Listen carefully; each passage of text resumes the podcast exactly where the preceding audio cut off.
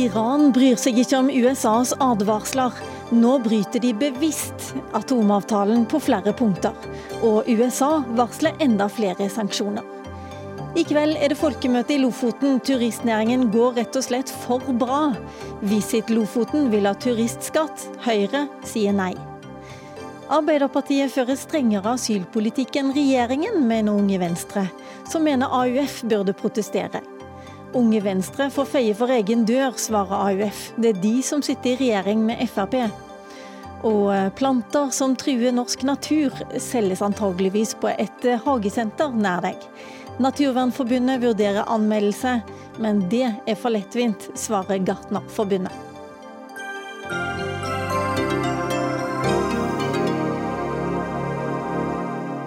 Ja, velkommen til Dagsnytt 18, som i kveld er ved Lilla Sølhusvik.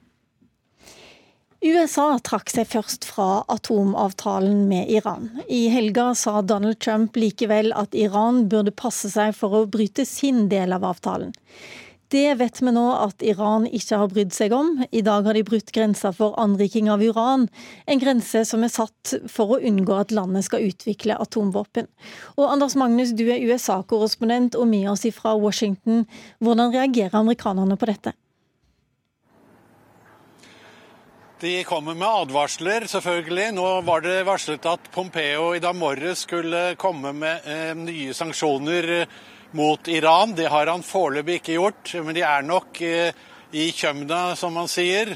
Eh, fordi eh, amerikanerne ønsker å presse særlig økonomien i Iran enda hardere, slik at de ikke får noe penger til å bygge ut dette atomvåpenprogrammet sitt. Og de har jo ikke kommet så langt heller. Altså, de har sagt nå at de skal anrike uran til 5 eh, spaltbart materiale. og Det er jo langt igjen til der de var før Iran-avtalen kom. På, da var de på 20% og de må opp til 80-90% for å kunne skape en atombombe av et slikt materiale. Men eh, jeg har også med meg Sverre Loddgaard, som er seniorforsker ved, ved NUPI.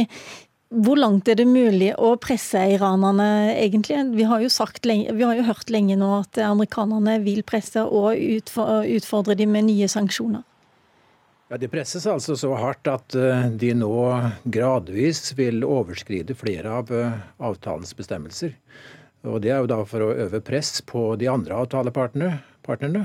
Eh, alle unntatt USA, som altså er ute, men særlig EU samtidig som de fører eh, samtaler med EU. Og dette med sikte da på å få sanksjonslette, få EU i første rekke til å komme dem litt mer i møte eh, i så måte.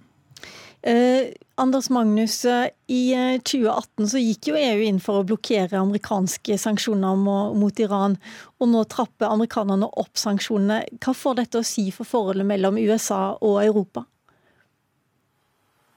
Ja, Det er jo ganske dårlig. Det så man jo på de eh, rapportene som eh, den eh, engelske eller den britiske ambassadøren til Washington sendte hjem, som har skapt en viss røre her i Washington i dag. Men eh, europeerne har forsøkt å lage en slags handel, eller byttehandelsavtale med Iran, eh, Intex den har, den har, nettopp kommet på plass, men iranerne sier at den kommer ikke til å virke i noe særlig grad. De er ikke fornøyd med den. Eh, og det store problemet her er jo at eh, USA kan blokkere veldig mye av oljehandelen til Iran, også til land som Russland og Kina. Rett og slett fordi handel i olje foregår i dollar. Da har de kontrollen. Og eh, det, det, Denne byttehandelsavtalen med Europa det var den som skulle så å si redde eh, atomavtalen med de resterende partene. Det kommer den sannsynligvis ikke til å gjøre. Og Forholdet mellom Iran og eh, Europa har jo blitt dårligere også av at eh, britene har, eh, de har tatt et skip i arrest i Gibraltar på vei til Syria med olje. Det mener iranerne de ikke hadde anledning til, men eh, britene sier at dette er innenfor EUs sanksjonsregime mot Syria. Så det er mange, eh, mange forverringer på flere områder her. Og det er veldig usikkert om europeerne kan komme til å kunne redde denne avtalen. Hvis eh, iranerne går ut av avtalen, så kan FN bli alarmert, eller man kan komme til den såkalte den paragrafen, Man kan utløse den paragrafen som skal avslutte eller sette i gang samtaler om hvordan man skal redde avtalen. Hvis, den, hvis de kan være, vare i en måned. Hvis det ikke går, så kan FN igjen innføre de sanksjonene som var før avtalen ble godkjent med Iran. Dette er veldig mange hvis og dersom at uh, Sverre Loddgaard, uh, hva tror du kan, uh, kan du se noen løsning ut av dette uføret med to veldig bastante store land som, som står på sitt? Foreløpig ikke. For den byttehandelsordningen som Anders Magnus snakker om, det er jo en veldig begrenset ordning. Ordningen er operativ. Sent omsider. Men den er begrenset til medisiner og humanitære produkter og er av marginal betydning. Dette sier Iran at eh, det er vel og bra så langt, men, eh, men det er langt fra nok. Eh, for at de skal få noe ut av det, så må olje omfattes. Eller så må det også knyttes en betydelig kredittlinje til denne mekanismen, og det vil sitte veldig langt inne. Jeg har liten tro, jeg også, Eh, på at EU greier å møte, komme Iran betydelig i møte. Og dermed ligger det altså an til at Iran fortsetter eh, på den veien som de nå har staket ut, og som de visstnok er enige om innad, eh, nemlig å overskride begrensningene i avtalen mer og mer.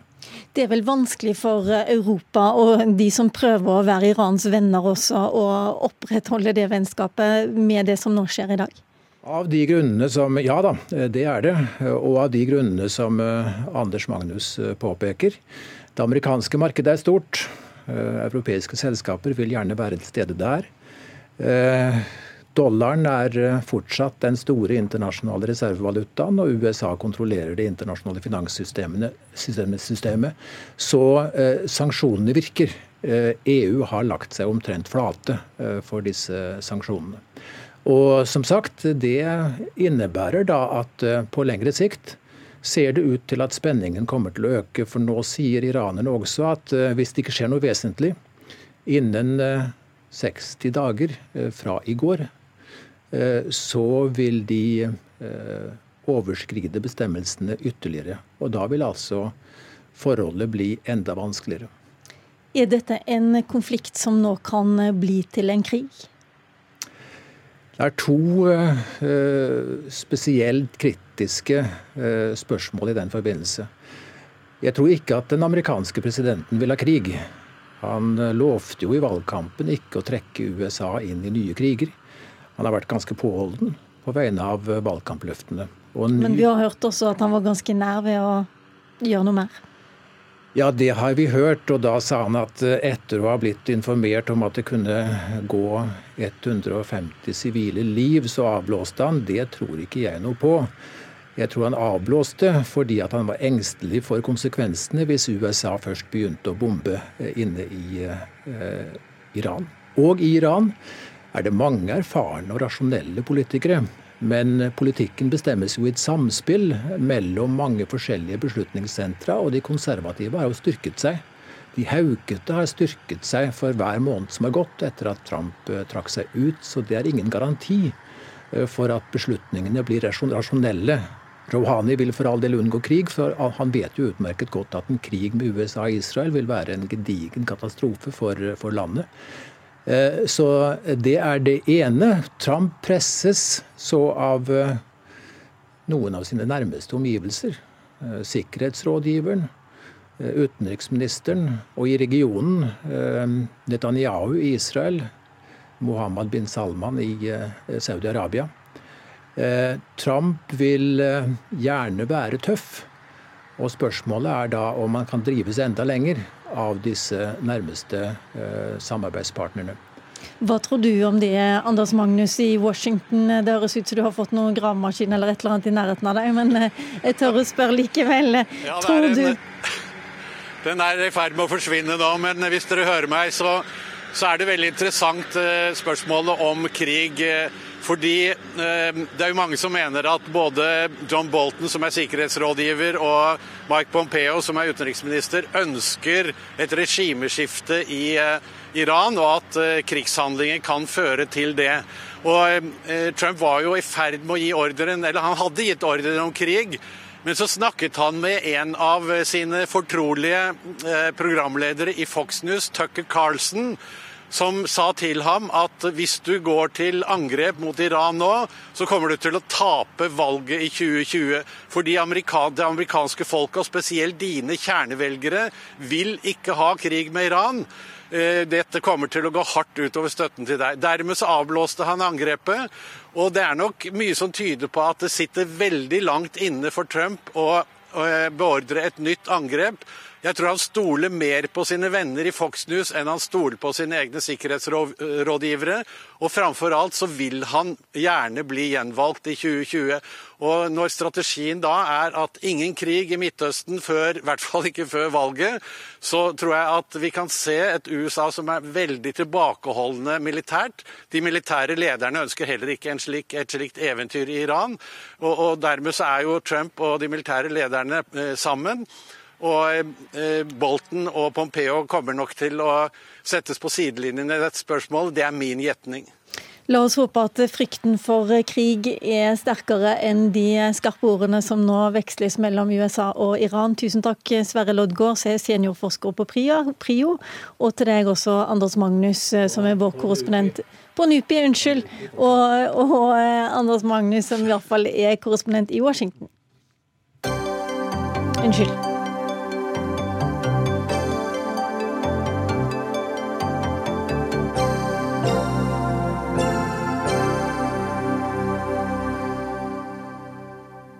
Neste ukene så er det venta storinnrykk av turister til naturskjønne Lofoten fram til midten av august.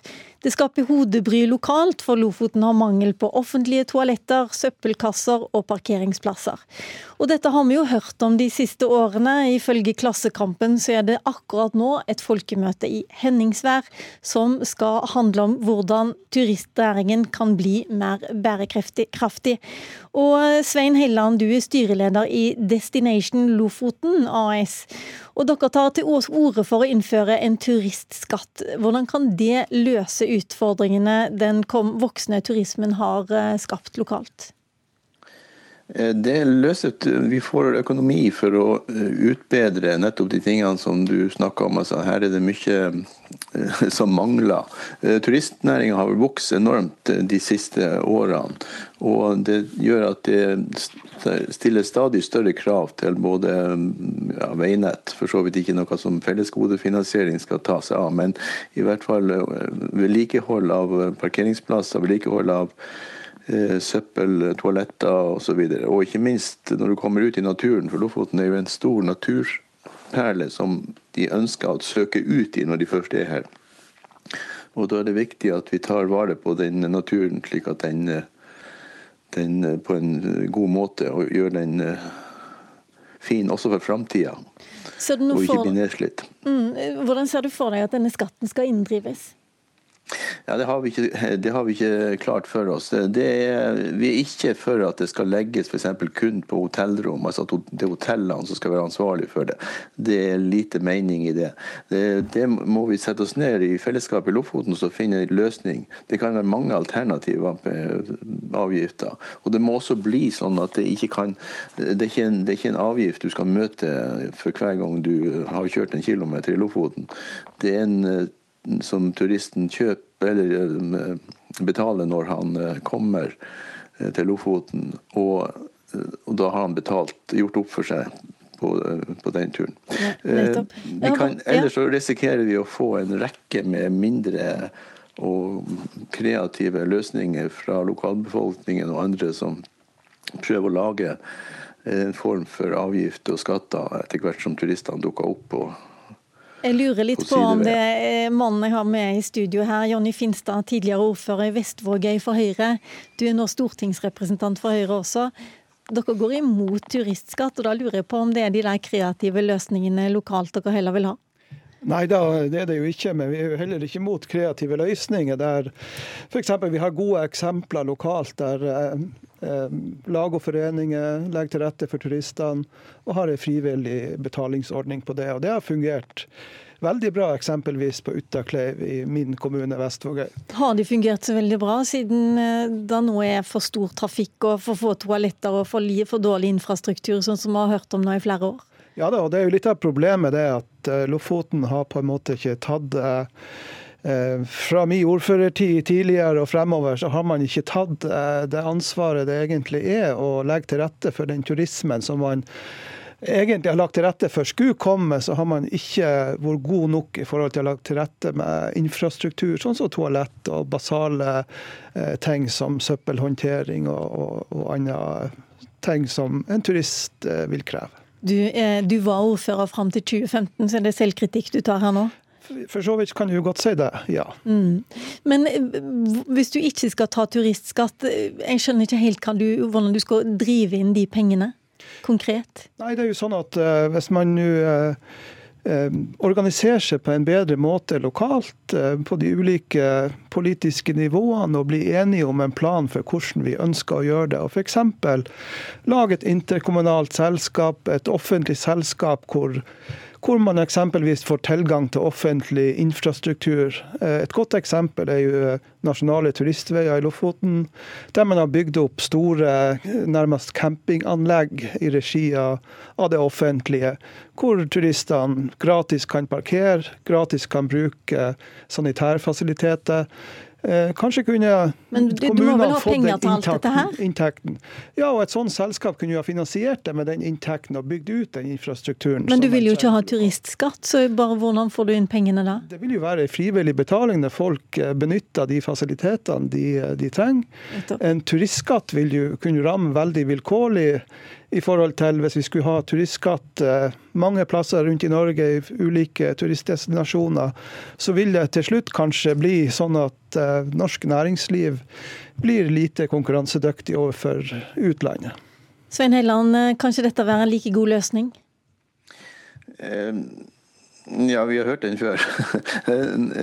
Nei, jeg tror ikke det er en like god løsning. for Det at eh, vi er, altså det skal sies at både Vegvesenet og kommunene har gjort en kjempegod jobb de siste årene. Det kom en eh, kvantesprang videre på, på mange måter. Men vi har så mye ugjort i Lofoten. At, og det, det, går på både det som er langs veien og det vi pres, eh, presenterer der for turisten, men også det som skal ut i naturen. Og vi må, vi må være sikre på at vi har vi, vi, vi verner om lokalbefolkninga om storsamfunnet og om, om de internasjonale, de langtids, lang, langdistanseturistene vi har, som kommer langveis fra. Det er mange som skal bruke det her. Og ikke minst de første jeg nevnte. Vi må, vi må sikre at lokalsamfunnene er tilfreds med det som kommer, og da skal det mye til. La oss høre litt og Jeg har ikke tro på at vi klarer på noen år også få gjort så veldig mye med å danne et selskap. Det jeg skjønner. Jeg, vi, har, vi, har, et godt samarbeid med, med, med, regionråd og kommuner, det er ikke sånn å forstå, men vi trenger mer. Jeg skjønner. Jeg beklager at jeg, at jeg avbryter deg, men vi må også ha med oss litt eh, ekspertise her. Arvid Viken, du er professor i reiseliv ved Universitetet i Tromsø, og du har tidligere tatt til orde for en turistskatt. Hvordan er det spørsmålet om turistskatt løst andre steder? Ja, eh, nå er det jo kanskje dette begrepet skatt Jeg kan det jo tenkes at man skal unngå å heller kalle det en avgift. Eh, og eh, Prinsippet er jo at de som da benytter seg av en tjeneste, betaler for den. Og at skattebetalerne ikke skal belastes for, ekstra, for den ekstra belastningen de representerer i forhold til normal trafikk. Og Vi har sånne steder som f.eks. Lofoten. Og Vi har eksempler på dette eh, både utenlands og i, i Norge. Vi har det på Svalbard, hvor man betaler 150 kroner i tillegg på, eh, som i tillegg på flybilletten eller eh, via båten man kommer med. Eh, så vi er ikke ukjent med det. Vi har egentlig også Nordkapp, men der er det en sånn krangel om, om hvor mye penger man skal ta. Men man hadde et vesentlig problem på 80-tallet i i, på Nordkapp med søppel og skyt av forskjellig slag. Og man løste det med eh, de fasilitetene man da bygde. Det har ikke vært eh, problemer der oppe siden. Eh, og vi kjenner det fra utlandet. Jeg var i Roma nylig og betalte eh, jeg husker ikke, fire, seks, åtte euro per natt i, som tillegg til eh, det jeg betalte for hotellrommet. Så Det er slett ikke ukjent. og I nasjonalparker verden rundt, og vi snakker jo litt her om tilgang til natur, så er det helt vanlig med at man betaler. Der hører du Jonny Finstad, eh, som altså er stortingsrepresentant for Høyre også. Eh, vi er jo vant til det, og folk reiser jo. Turister drar jo fortsatt til Roma, selv om vi må betale turistskatt. Tror du ikke folk fortsatt vil dra til Lofoten? Jo da, det tror jeg absolutt, men jeg syns professoren var inne på noe her. Kanskje vi ikke skal kalle det for en skatt. Selv om det er en skatt? Ja, på en måte. Altså, det, handler jo litt om prinsippet. Allemannsretten og fri adgang til områder og sånn. Det er jo det som ligger i toppen. Men så handler det jo om at du, hvis du skal innføre en skatt, så må du passe på at den treffer den som på en måte har behov for de tjenestene som skatten skal finansiere. Men det treffer og, og, vel idet drar, man drar inn til Lofoten, da, så betaler man? Skal du ha en skatt på flybilletter til Lofoten f.eks., så rammer du lokalbefolkning, lokalt næringsliv osv. Så, videre. så Så det er jo akkurat det å treffe de turistene som, eh, som vi legger til rette tjenester for. Og en brukerbetaling kan, er jo mer treffsikker i så måte. Og jeg tenker at en brukerbetaling, den, uh, altså betalingsvilligheten er ganske stor når vi legger til rette rette for turister. Så det er om å gjøre å bare komme ut av startgropa og få i gang med å plassere ut fasiliteter. Og de siste par årene så har man vært kjempeflinke i Lofoten og fått i stand flere prosjekter, men det trengs mer. Arvid Viken, det høres ikke ut som om du um, får med deg uh, Høyre og Fremskrittspartiet på dette, men flere andre partier har snudd. Tror du det blir turistskatt i nærmeste framtid? Jeg vet ikke, men det er jo eh, eh, mennesker som han som er ansvarlig for at man ikke har fått dette på stell. fordi det, det er jo ikke en ny problemstilling. Vi har jo hatt denne problemstillingen i, i minst i, i, 20 år. sånn at det er jo unnfallenhet og, og, og eh, NHO og politikere som er redd for at en skatt skal gjøre at det kommer færre. Og det er bare tull. Svalbard er jo et godt eksempel. Det har nå økt jevnt og trutt til tross for denne avgiften. Og Det er også et, godt eksempel på hvordan man kan håndtere det. Man har altså eh, opprettet et fond som har en del millioner i året, som man kan søke på. Eh, og, og eh, da få tiltak som er Eh, for, på, på, miljøet sin side. Ok, Jeg tror at Jonny Finstad må ta med seg den ideen ut eh, døra. Tusen takk eh, til Arvid Viken, forsker ved Universitetet i Tromsø. Takk til Jonny Finstad, tidligere ordfører i Vestvågøy. Takk også til Svein Helland, styreleder i Visit Lofoten.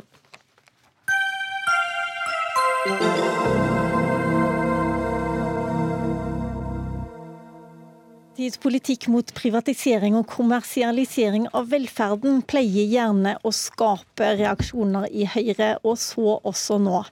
I VG svarer Mathilde Tybring-Gjedde på en eh, kronikk at partiet nå legger seg på en linje som burde få det til å gå kaldt nedover ryggen på alle oss som er glad i den norske samfunnsmodellen. Mathilde Tybring-Gjedde, du er altså stortingsrepresentant fra Høyre. Hva var egentlig det nye i Arbeiderpartiets velferdspolitikk som du nå reagerer på? Det jeg reagerer på, er jo at Arbeiderpartiet har tatt en veldig tydelig venstredreining og bruker nå mange av de samme begrepene som egentlig Bjørnar Moxnes og Rødt først, eh, først brukte. Og for oss som er veldig glad i den, den, norske modellen der man har løst store, viktige samfunnsoppgaver ved at små og store bedrifter har samarbeidet med stat og kommune i å gi gode tjenester over tid, og det har skapt innovasjon, nytenkning og at folk er fornøyd, for oss så er det alt det viktigste verdt at man egentlig er ganske pragmatisk innstilt. At det viktigste er at tilbudet er bra. Eh, og man er mindre opptatt av å bruke ord som profitør, eller at man skal forby det å kunne tjene penger på å levere en tjeneste som er god. Men det er jo ikke første gang du har hørt Arbeiderpartiet snakke, om, snakke mot privatisering og kommersialisering. Jo, men For to år siden så sa Jonas Gahr Støre at eh, han var mer opptatt av å stille krav til kvalitet, og ikke å forby fortjeneste. Eh, og at han ikke ville bruke ordet profitør. Men nå ser man både flere og flere fra Arbeiderpartiet som går i en ganske stikk motsatt retning, eh, og snakker om at man skal rekommunalisere. Og da er det litt vanskelig å vite hvor går grensen for den rekommunaliseringen. Eh, for hvis man ikke lenger er opptatt av å stille kvalitetskrav og ikke tror det er nok, skal man ta over vaktmestertjenester, IT-tjenester? Hvor mange tjenester er det egentlig kommunene skal drive med? Hvor mange hjul skal kommunen skape på nytt? Og hvor går den, hvor går den grensen? Jeg mener jo at vi skal løse klimakrise, eldrebølge, Norge, vi skal ha gode tjenester og vi har mindre penger å rutte med i fremtiden. Og da handler det om å kunne ha alle gode krefter til å lage gode tjenester, eh, og ikke forby en aktør eh, på ideologiske grunnlag. Nils Kristen Sandtrøen, du er stortingsrepresentant for Arbeiderpartiet. Har Rødt og SVs vekst gjort at dere hopper godt over til venstresida nå? Arbeiderpartiets politikk for velferdsstaten den eh, står fjellstøtt. Det dette handler om, det er at vi skal sørge for at eh, eldreomsorg, helsetilbudet i kommunene, skolene våre, det er en oppgave som fellesskapet skal ha. Og vi må kunne stille fellesskapet og lokale folkevalgte til ansvar for eh, hva for noe tilbud både unge og eldre skal ha. Det som derimot er det nye i norsk politikk, det er jo at det ikke er noen grenser for hvilke type private konsern som skal inn nå i selve kjernen av velferdsstaten vår. Og Vi trenger jo ikke dra lenger enn til Sverige før vi har sett hvordan dette fungerer i praksis. Og Da er det jo bare å se til en avsløring som Aften, Aftonbladet gjorde, med kartlegging av hvem som faktisk eier og driver de privatiserte velferdstjenestene i Sverige. Og Det Aftonbladet viste, ganske sjokkerende, det er jo at det er bl.a. en storkapitalist som var selve modellfiguren til Gordon Gekko i Wall Street-filmen, som tjener store penger på å senke kvaliteten, senke kostnadene i eldreomsorgen i Sverige, sånn at man får flytta mer eh, overskudd ut til skatteparadis. Og Det har aldri vært meninga at velferdsstaten vår skal være en eh, kilde for å putte et sugerør ned i statskassa, for å så hente ut store formuer til skatteparadis på andre sida av kloden. Vi... Look to Sweden, er det det du sier, Mathilde ja, Tybring-Gjedde? Arbeiderpartiet gjør det stadig vekk. Det viser til USA eller England, eller for å på en måte skremme, lage et skremmelsesbilde. Jeg er helt enig, jeg vil ikke ha noe sånn private equity, kortsiktig gevinst inn i velferdssektoren. Det er jo en av grunnene til at regjeringen har tatt initiativ til å gå gjennom regelverket. Men, Men hva, det er ikke Hva er forskjellen da egentlig, når vi hører om f.eks. Unicare-gründer Tom Tidemann som har tjent rundt en kvart milliard siden selskapet starta opp i 2008? Det er klart at Dersom man eier flere sykehjemsplasser og flere barnehager og får litt overskudd i hver kommune, så tjener man eh, det, på det over tid. Eh, mens jeg har vært opptatt av to ting. Det ene er bare, et lite øyeblikk. for Du sier at man, man, må få lov til å tjene litt penger på velferden. Mm. Hva er litt penger, og hva er veldig veldig mye penger? Nei, altså I sykehjemssektoren så er, cirka, får, er det gjennomsnittlig 2 overskudd hos de private. I barnehagesektoren er det rundt 4 Én av tre private barnehager går faktisk med underskudd. fordi at sannheten så Unicare for eksempel, er det for mye? Uh, altså, Unicare kommer litt an på hvor mange, mange eh, sykehjemsplasser de eier. ikke sant? Har du litt overskudd i en kommune, så kan det få mye over, over tid. Men, og hva med disse barnehagene, barnehagekonsernene som også har tjent nærmest en milliard kroner på og Der har vi svart på det ved nå å stille krav til antall ansatte og til antall pedagoger. Vi stiller krav til at det skal være gode lønns- og arbeidsvilkår. Vi stiller krav til at man ikke får en krone mer altså ikke en krone mer enn det som gis til det, gis til det offentlige. Og Det er på en måte vårt svar på det. ikke sant? Ved å ha gode reguleringer. Fordi vi også ser at alternativet veldig ofte hadde ikke vært at man bare fikk automatisk mer velferd. Alternativet hadde veldig ofte vært at man manglet sykehjemsplasser, manglet barnehageplasser. F.eks. i Oslo så er det en privat barnehage som ligger tom og får ikke lov til å begynne, selv om det er foreldre i nabolaget som ønsker å ha barn der. Så det er snakk om å ha en pragmatisk innstilling og oppdatere regelverket, slik at vi har en god eh, og mangfoldig sektor. La, det syns jeg var et veldig tynt svar. fordi I regjeringsplattforma til høyreregjeringa så står det jo svart på hvitt at man vil vurdere å ta i bruk nettopp eh, den svenske modellen for privat eldreomsorg. Jo, det står det. Står det svenske skal... modellen for privat eldreomsorg? Ja, det står å vurdere å ta i bruk den svenske modellen. Og det er egentlig veldig, veldig overraskende når vi har sett hvordan det har gått dårlig. Og det er derfor det blir litt betenkelig at Høyre inntar en sånn rendyrka ideologisk holdning. Og det samme ser vi i Oslo, hvor man igjen ønsker å privatisere søpla. Når det gikk så dårlig, så må det være mulig å ta en fot i bakken og se på hvordan sånne ideologiske prosjekter faktisk har gått av sted i praksis. Men nå har hun snakka ganske lenge om hvor Høyre setter grensa. Nei, men det kan ikke, ikke du svare Nei, men du svarte heller aldri på hvor setter Arbeiderpartiet grenser for privat og, og offentlig velferd? Ja, det er veldig greit. Fordi velferd og velferdsstaten vår, det handler jo om et sikkerhetsnett, handler om helsetilbud, skole Jo, fordi da kommer poenget. Når man i høyreregjeringa sin plattform sidestiller all annen type privat kommersiell drift uansett hva for noe type produksjon det er, med det å ha bestemora vår på et sykehjem, men, men da går streken klart for men, oss i Arbeiderpartiet. Konkret, Er det et poeng for dere at alle sykehjem f.eks. skal være kommunale? Det er ikke det? er det? det er mest mulig felles eller ideell drift av velferdstjenestene våre. Og Grunnen til det er at når, Minst mulig privat? Ja, Vi må ha en velferdsstat som sørger for at pengene går til velferd og ikke til skatteparadis. Og så er det det at For å ta vare på eldre, så er det jo først og fremst tida til å være sammen med eldre. Jeg hørte det veldig godt beskrevet her om dagen. Noen som sa at på vårt sykehjem så har vi faktisk muligheten til å vite hvor tøflene skal stå, hva for noe TV-kanal man ønsker å ha på, fordi det er faste ansatte. Ja, det er så det er jo et verdi... Nei, men, jo, men, men da kan jo ikke Høyre samtidig få en haug med midlertidige ansettelser. Jeg tror det finnes kommuner som lyser ut 12,5% brøkstilling, og det finnes kommuner som også har uh, dårlig kvalitet. Men det kan kommunestyret vedta, å ha faste ansettelser. Du har Trondheim kommune som hadde 26 000 brudd på arbeidsmiljøloven for noen år siden. Du har, også har du private aktører som også kanskje ikke er gode nok. og Da kan man også avbryte kontrakten og ikke lenger ha dem som aktør. Så jeg, jeg er på en måte opptatt av at man skal ha gode aktører, eh, og det er det viktigste. For det er tilbud til folk. Og jeg tror ikke foreldre er så opptatt av om det er privat eller offentlig, så lenge det er en god, eh, god tjeneste. Jeg tror ikke eldre er opptatt av det. Jeg tror ikke barn i barnehagen er opptatt av det. Og så er jeg helt enig i at man skal ha god, godt regelverk, men det er ikke det den linja Arbeiderpartiet legger seg på nå. Nå legger man seg på å overta nye og nye oppgaver må ha en avklaring helt til slutt. Sandtrøen, har Arbeiderpartiet beveget seg i disse sakene? Arbeiderpartiet står helt støtt. Det er jo den sosiale og demokratiske velferdsstaten som Arbeiderpartiet har bidratt til å bygge opp, som vi kjemper for. Og Derfor er vi veldig for at velferdspenger, skattepenger, skal gå til velferd og ikke til skatteparadis. Er det for et profittforbud? Vi vil at mest mulig av velferdspengene våre skal gå til helse og helse, ungdom, bedre trygghet for alle sammen. Det er det viktige for oss, og det kommer vi til å kjempe veldig hardt for i alle landets kommuner. Og Da kan jeg bare trøste Mathilde Tybring-Gjedde og Nils Kristen Sandtrøen at eh, valgkampen er ennå veldig lang. Takk for at dere kom.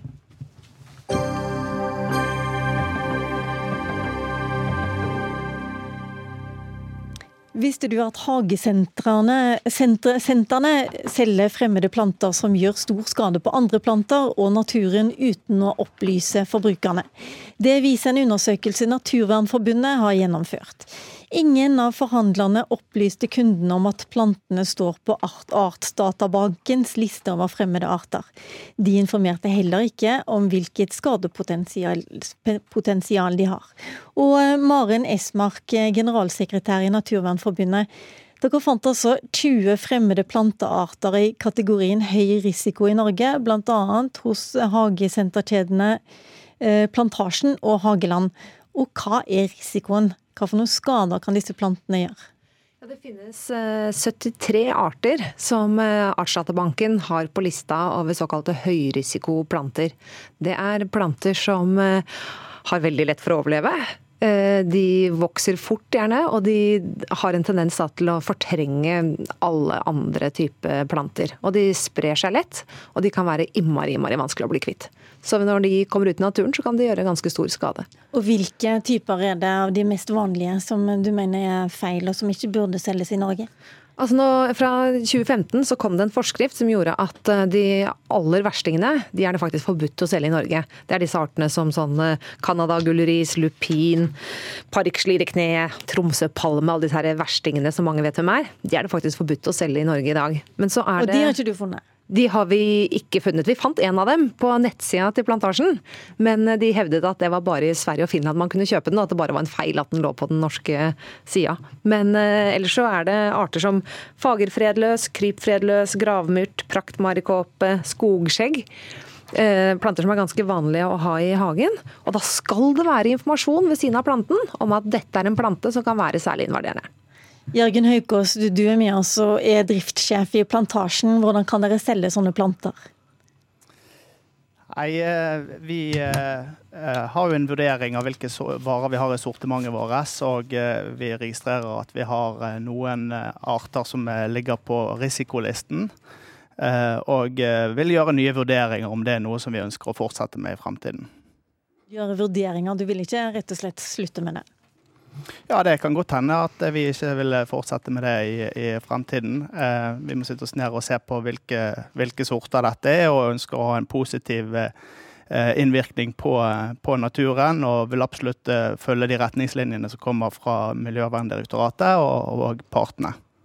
Du eh, sier rett og slett at dere vurderer å gå til anmeldelse. Du, Maren Esmark, er det så alvorlig? Ja, så denne Forskriften har jo vært der siden 2015. Så både Plantasjen og Hageland har jo visst i veldig mange år at uh, her skal det informasjon ut til kundene. De er ansvarlige, de, etter forskriften.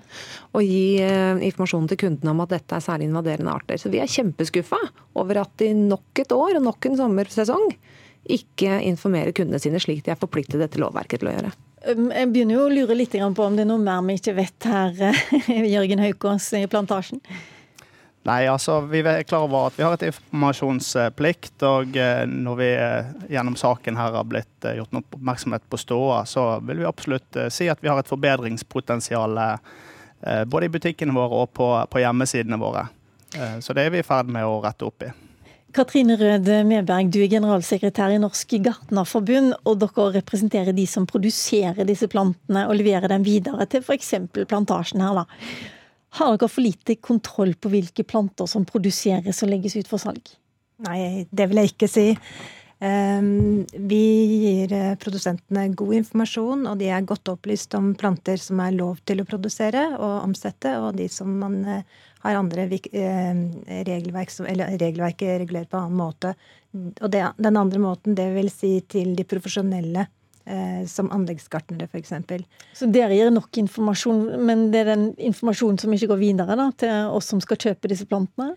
Eh, dere som privatpersoner er unntatt det, dette regelverket. Det som gjelder, det er aktsomhetsplikten. Det betyr, eh, vi liker å si det litt forenklet, at ingen av plantene som du har i hagen, uansett hvilken risikokategori de er kommet i, skal ut av hagen.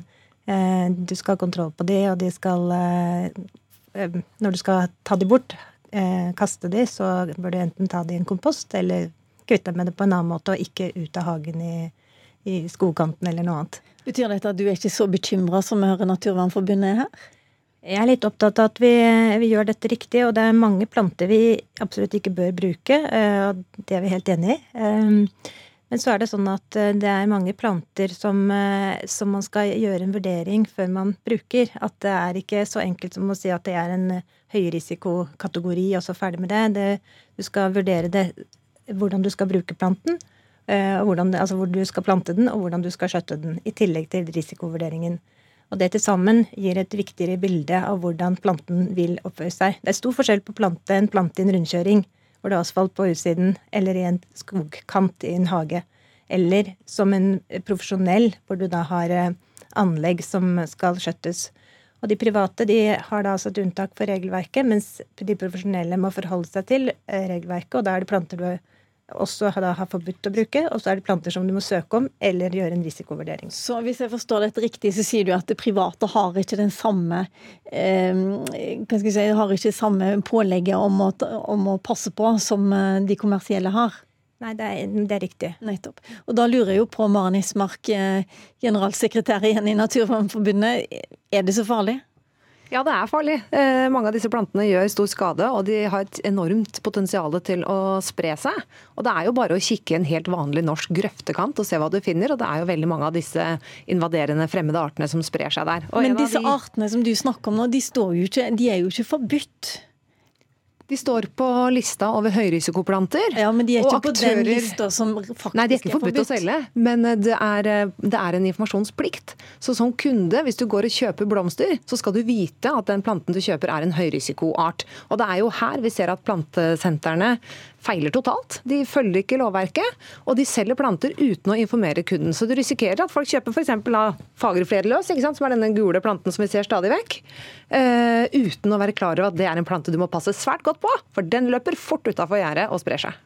Og hvordan passer man svært godt på sånne planter? Eh, enkleste er å ikke plante høyrisikoplanter i det hele tatt i hagen. Eh, men du må luke mye, og du må passe på også røttene. For mange av dem har en tendens til at de kryper med røttene og sprer seg uten at du nødvendigvis ser det. Så de kan gå under gjerdet og ut langs muren og ut i grøftekanten.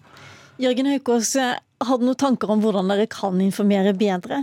Skal dere gjøre det på nett eller på sentrene eller overalt? Ja, jeg vil si både òg. Eh, både på nettsidene våre generell informasjon om eh, disse produktene, og spesielt eh, selvfølgelig på de produktene som antegnes som mest risiko med.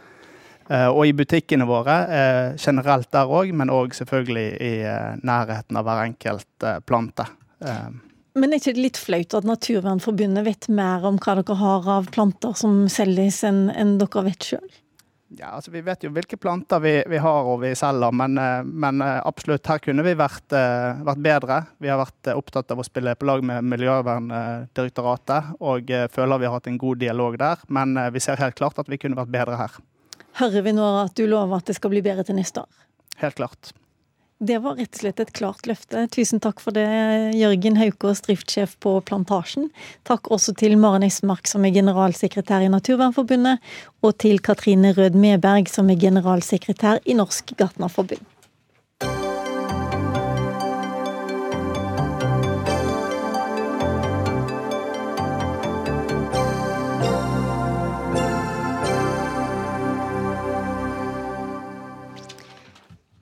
Nyhetsmorgen i eh, NRK P2 og Alltid nyheter i dag kunne vi høre at Unge Venstre mener AUF har godtatt en altfor streng asylpolitikk. AUF burde ha kjempa for en mer liberal holdning, sier lederen i Unge Venstre. Og det er du det, Sondre Hansmark, eh, som er her i studio hos oss i dag. Sammen kunne vi ha hjulpet folk på flukt, eh, sier du. Hva kunne AUF og dere fått til sammen? Vi kunne fått til ganske mye, men problemet er at nå har jo Arbeiderpartiet hatt landsmøte, vedtatt en ny, strengere innvandringspolitikk. Og det er ikke overraskende at Arbeiderpartiet har eh, vedtatt en streng innvandringspolitikk. Men det som er nytt, er jo at AUF har satt sitt godkjentstempel på den strenge innvandringspolitikken. Så de har både sagt at det er greit sånn som vi holder på med i dag, det er greit at vi har midlertidig opphold for barn, det er greit at vi har for strenge krav for familiegjenforening, men i tillegg til det så ønsker de å gjøre ytterligere innstramninger i asylpolitikken. Og Bakgrunnen for det er jo at man satte ned et utvalg som ble kalt for Gharahkhani-utvalget. Der hadde AUF en representant. Den innstillingen de leverte til landsmøtet, den var enstemmig. Den hadde AUF sin velsignelse. De gjorde ingen opprør på landsmøtet. Det var et enstemmig landsmøte som vedtok masse innstramninger i norsk asylpolitikk. Og Derfor mener jeg at AUF har abdisert som et asylliberalt parti. Det er et paradigmeskifte. Vi har vanligvis stått på lag sammen om å hjelpe folk på flukt, og spesielt barn på flukt. Men nå har de gått med på alle Gharahkhani innstramninger, og det syns jeg er synd. Ja, Astrid Hoem, du er nestleder i AUF, og normalt så kjenner jo vi til et AUF som er gjerne i asylopposisjon til sitt eh, moderparti. Har dere nå bare lagt dere ned og sagt at eh, OK, vi gjør det sånn? Nei, og jeg kjenner meg ikke igjen i det Unge Venstre sier om at vi har stått på lag. For Unge Venstre har jo satt Fremskrittspartiet inn i regjering. De har satt et parti som de nå må drive og demme opp for når de skal lage asylpolitikk. Den politikken som regjeringa fører nå, og som Unge Venstre helt tydelig har problemer med å forsvare, fordi at de må gå ut og lage en sånn avledningsmanøver og prøve å angripe AUF og Arbeiderpartiet istedenfor å ta et oppgjør internt i regjeringa. Og Det syns jeg egentlig er litt sånn rart, fordi Sondre kunne ha brukt tida si nå istedenfor å sitte her på Dagsnytt 18 på å kjempe gjennom god, solidarisk asylpolitikk opp mot Fremskrittspartiet men det er tydelig at man mangler gjennomslag, og da trenger man en eller annen avledningsmanøver. Problemet har jo blitt at Arbeiderpartiet ønsker noen politikk som er strammere enn det regjeringen fører. På hvilke områder da? Nei, altså Vi har fått til masse liberaliseringer. Eksempel, Vi tar imot tre ganger så mange kvoteflyktninger som det Arbeiderpartiet gjorde. Det klarer vi med Fremskrittspartiet i regjering. Vi har fått et bedre regelverk for barn som har vært der lenge. Da de styrte landet, så sto det i dokumentene tvangsutsendelser av lengeværende asylbarn skal prioriteres. Det vi sier nå, er at hvis barn har vært her i landet lenge, så skal det være gode grunner til å gi opphold. Og Hvor mange var det det gjaldt? Men altså, Arbeiderpartiet ville sende ut 450 barn som hadde vært i Norge mer enn tre år. Det er politikken som dere førte i regjering. 450 barn skulle ut av landet fordi at Jens Stoltenberg ville være streng. Men ok, Hvordan mener du at Arbeiderpartiet sin eh, nye asyl- og innvandringspolitikk nå er strammere enn regjeringen sin? Det er tre punkter som de ønsker å gå lenger på. Det første handler om det som eh, vi kan kalle A- og B-flyktninger. Hvor Arbeiderpartiet nå mener at hvis du er individuelt forfulgt, altså forfulgt pga. din etnisitet eller religion eller legning, så skal du få fulle rettigheter i Norge. Men hvis du bare i hermetegn er på flukt fra krig, nød, sult og tønnebomber, så skal du få begrensede rettigheter som flyktning. De ønsker også å stramme inn på ID-kravene for å få oppholdstillatelse. Og de vil rett og slett betale land som f.eks. Tyrkia for å holde asylsøkere tilbake fra Norge. Og Dette er en politikk som ligger et ganske stykke til høyre fra den politikken som regjeringen fører. Jeg mener vi har fått ganske mange gode liberaliseringer. Men det som er merkelig er at AUF setter et godkjentstempel på den nye politikken til Arbeiderpartiet. Og Astrid Hoem, du må vel i hvert fall erkjenne at en del av disse ideene, bl.a. de deler dere med partiet som Sondre Hansmark sitter i regjering med? Jeg er glad for mange av gjennomslagene som AUF fikk for immigrasjonsutvalget. Og så kommer vi til å fortsette å kjempe for god, solidarisk asylpolitikk opp mot Arbeiderpartiet. Men når det var er disse, sagt Var disse forslagene noe AUF eh, foreslo? Men, men når det er sagt, hvis jeg får lov til å fullføre, så er det jo det at uh, subsidiær beskyttelse, det har Venstre skrevet under på. Tredjelandsavtaler, det har Venstre skrevet under på med regjeringsplattformen. Vi i AUF vi fikk bl.a. gjennomslag vi, for at man skal uh, legge til grunn menneskerettighetssituasjonen i hver enkelt avtale på tredjelandsavtaler. Det mener jeg betyr at Tyrkia-avtalen ikke ville ha blitt inngått. Så der mener jeg at Sondre heller må forsvare hvorfor han kan sitte i en regjering, forsvare i en regjering, og at Unge Venstre kan forsvare en regjering som mener at man kan sende tilbake barn til Tyrkia. Ja. Vi, har, vi har fått masse, poenget mitt, vi har fått masse liberaliseringer på utlendingspolitikken. Og det som er spesielt, er at vi vil jo alltid ønske Kanskje du bare svarer på det spørsmålet først? Nei, altså Jeg mener jo at Tyrkia-avtalen ikke er god nok, men det er jo en avtale som Arbeiderpartiet også ønsker. og Problemet er at de ønsker økt bruk av disse avtalene. Men hvis du virkelig ønsker land. liberalisering, bør du kanskje starte med, ditt eget, med din egen regjering? Du sitter jo i en flertallsregjering, ja, eller mener, Venstre gjør i hvert fall det. er nettopp det vi har gjort. Altså Det er hundrevis av barn som nå får lov til å bli i landet fordi Venstre har fått gjennomslag for det. Vi tar imot tre ganger så mange kvoteflyktninger med Frp enn det Ap gjorde i regjering. I 2009 og det har ikke vært husker- så mange asylsøkere her, så få asylsøkere her siden 1997? eller Nei, men Det er jo det som er veldig spesielt. sant? For I en tid hvor det nesten ikke kommer noen asylsøkere til Norge, og det finnes 70 millioner mennesker på flukt her i verden, så mener både AUF og Arbeiderpartiet at det er behov for ytterligere innstramninger. Jeg mener vi må gå helt andre veien. og Det det det jeg er så synd med det AUF har gjort nå. For vi har vanligvis stått på lag sammen, kjempet mot midlertidig opphold, kjempet for å ta imot flere kvoteflyktninger. Så går de altså med på en politikk som ligger langt til høyre for den regjeringen fører, og det syns jeg er veldig synd at AUF har gjort. Eh, Helt konkret nå så har altså eh, Trondheims ordfører eh, kommet med et forslag om at Kristelig Folkeparti og Venstre og Arbeiderpartiet burde samarbeide for å få en eller i hvert fall deler av Arbeiderpartiet, som hun representerer, da, burde samarbeide for å prøve å få en litt mer liberal asylpolitikk. Og få en annen håndtering av Abbasi-familien, som ellers står i fare for å bli sendt ut. Er det et initiativ som AUF støtter? Vi er enige med alle i Arbeiderpartiet som jobber for en mer solidarisk asylpolitikk, men det er faktisk Venstre som regjeringsparti og regjeringa sitt ansvar å komme med forslag til Stortinget. Vi har ikke flertall i Stortinget, det er regjeringa som sitter med totalt flertall på Stortinget. De endringene som Sondre snakker om her nå, det kunne dere gjort i regjering i morgen. Vi sitter ikke i regjering, det gjør Sondre Hansmark.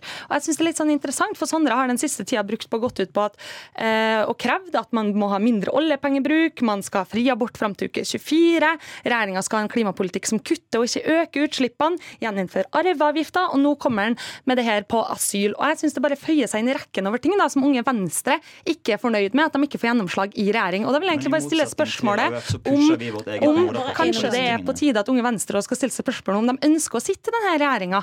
Men i motsetning til AUF så bruker vi tid på å påvirke egen regjering og eget parti. Og det AUF har gjort her, er jo bare enstemmig bli brukt som en dørmatte for Gharahkhanis innstramninger i asylpolitikken. Og det er det jeg syns er så merkelig.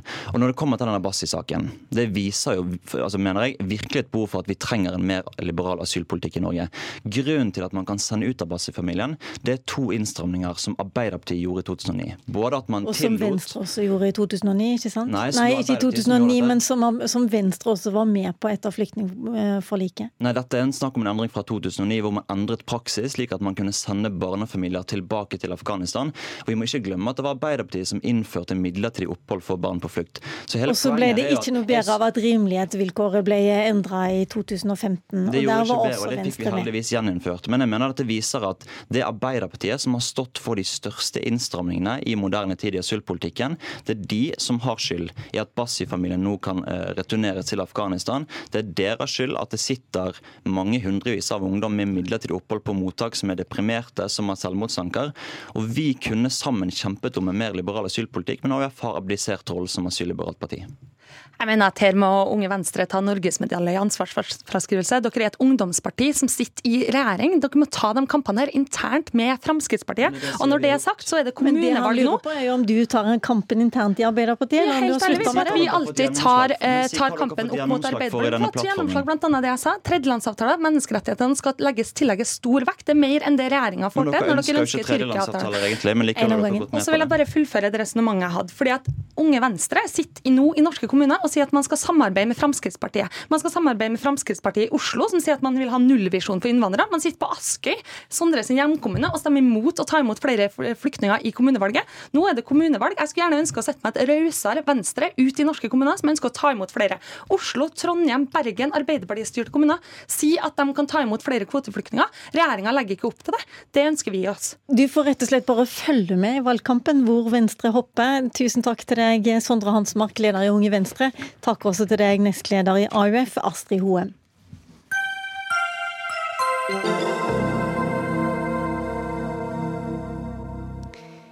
Vi skal over til en eh, langt mer eh, hva skal jeg si, seriøs og kanskje større sak også. Soldatene hans eh, drepte sivile med macheter og rev foster ut av gravide kvinner. I Kongo ble han kalt The Terminator. Vi andre kan kalle han Bosco Taganda. Han ble i dag den aller første som er dømt i en internasjonal domstol for å bruke voldtekt som våpen i krig. Men han ble også dømt for en rekke forbrytelser. Og Morten Bøås, du er seniorforsker i NUPI. Hvem er Bosco Taganda, hva kan du fortelle mer om han? Altså, Bosco er på mange måter et barn av uh, folkemordet i Rwanda. Det er, det han, uh, det er den uh, volds bølgen som var i Rwanda, som har preget eh, på mange måter hans liv og hele denne regionens liv eh, fremover. Så han slåss først Han drar tilbake, av familien hans flykter fra Rwanda til Kongo. Han drar tilbake til Rwanda og slåss eh, da for opprørsherren til Paul Kagame, altså nåværende president i Rwanda. De vinner, og så etter, etter dette så drar Bosco inn igjen i Kongo. Hvor han i rundt 2001 eh, dukker opp eh, nord i Øst-Kongo, i et sted som heter Ituru.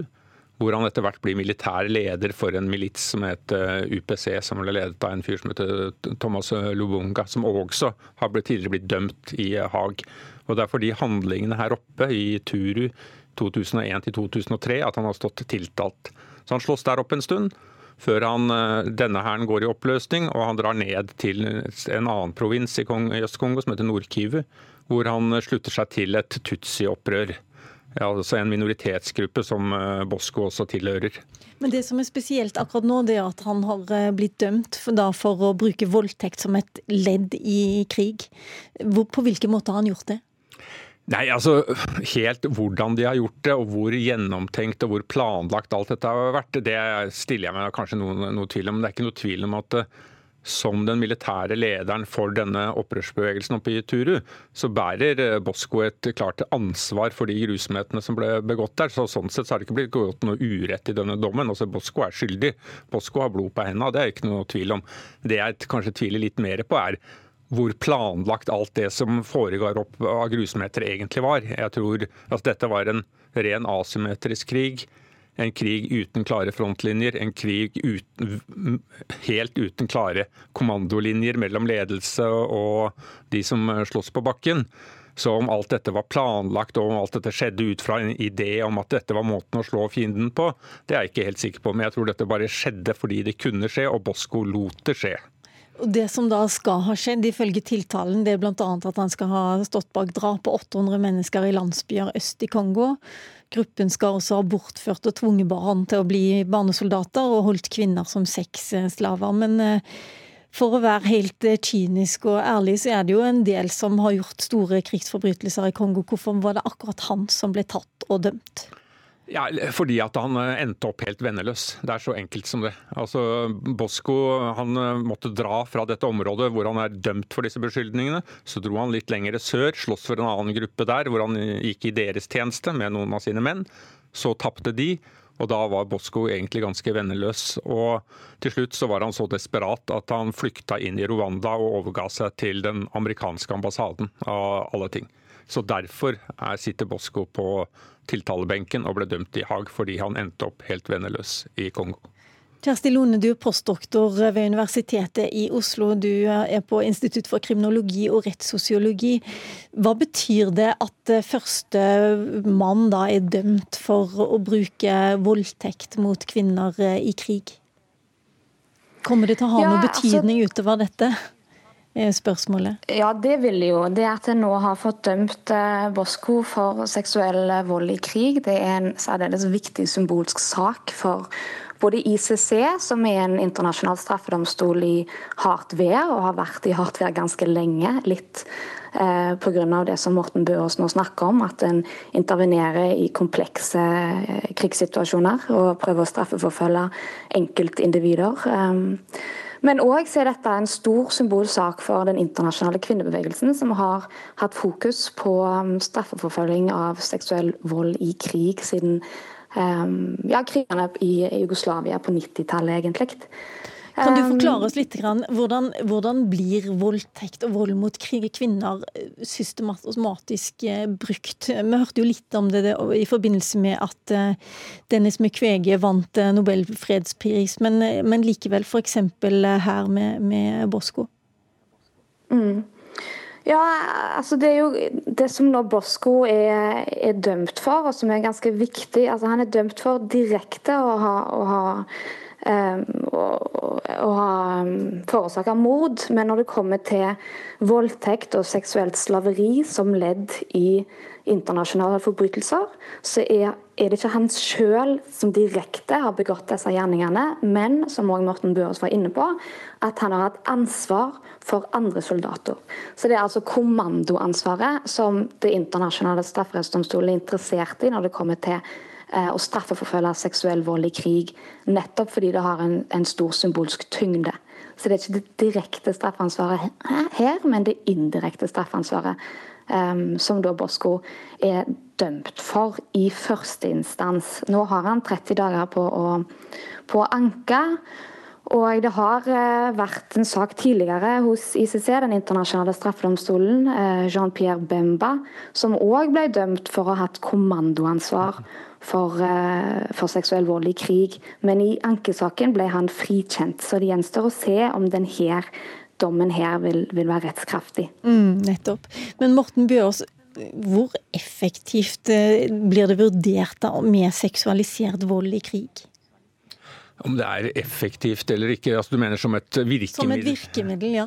Siden det er dette som er mest spesielt akkurat med denne, denne dommen her i dag. Nei, altså dette blir, altså, Teorien her er jo da at dette både altså det skremmer, det passifiserer, det, det bidrar til å altså, bygge opp et fiendebilde som igjen får folk til å gå til krig og til å begå den type overgrep. For du begår den type overgrep mot folk som er mindre verdt. Så det, det, er jo det som er teorien her, om at dette da er en billig måte å føre krig på. for at du kan da skremme bort folk, du kan kontrollere folk gjennom å gjøre disse tingene. Altså utsette da større eller mindre grupper av f.eks. kvinner da, for seksualisert vold. Nå må, vil altså få lov til å legge til her at Det er et stort mørketall når det gjelder seksualisert vold mot menn også i denne konflikten i Kongo, som veldig sjelden kommer fram. Men jeg har også lyst til å legge til at jeg er helt enig med, med det som ble sagt her om at dette er en så klart en symboltung dom for både kvinnebevegelsen for, og, og ikke minst for straffedomstolen, som har vært i hardt vær. Men når det er sagt, så hvor mye effekt dette får på bakken, både i Kongo, hvor denne, denne type konflikter fortsatt eh, pågår, og andre steder hvor det pågår, det er jeg noe mer i tvil om. For dette er veldig asymmetrisk krig med veldig uklare frontlinjer og veldig uklare kommandolinjer. Og jeg har ikke veldig stor tro på, dessverre, at denne dommen, hvis den blir stående, vil virke veldig avskrekkende på en ny kommandant som står i tilsvarende situasjon, og som vurderer umiddelbar måloppnåelse og overlevelse mot muligheten for å bli straffet for fullt 20 år senere. Er, er du like pessimistisk, Kjersti Lone, veldig kort til slutt? Ja, jeg er dessverre det. Det er nok sånn det er at eh, voldtekt i krig det er en del av verktøykassen eller våpenkassen i krigføring, men det er òg et resultat av strukturelle og kaotiske erfaringer som krig fører med seg. Og det kan ikke straffeansvar utelukkende eh, ta hånd om. Det var dystert, men eh, sånn, eh, sånn, var det. Takk til deg, Kjersti Lone, og takk også til Morten Bøås eh, fra NUPI. Det gjenstår bare å si at ansvarlig for sendingen var Fredrik Lauritzen, Finn Lie og Lilla Sølhusvik.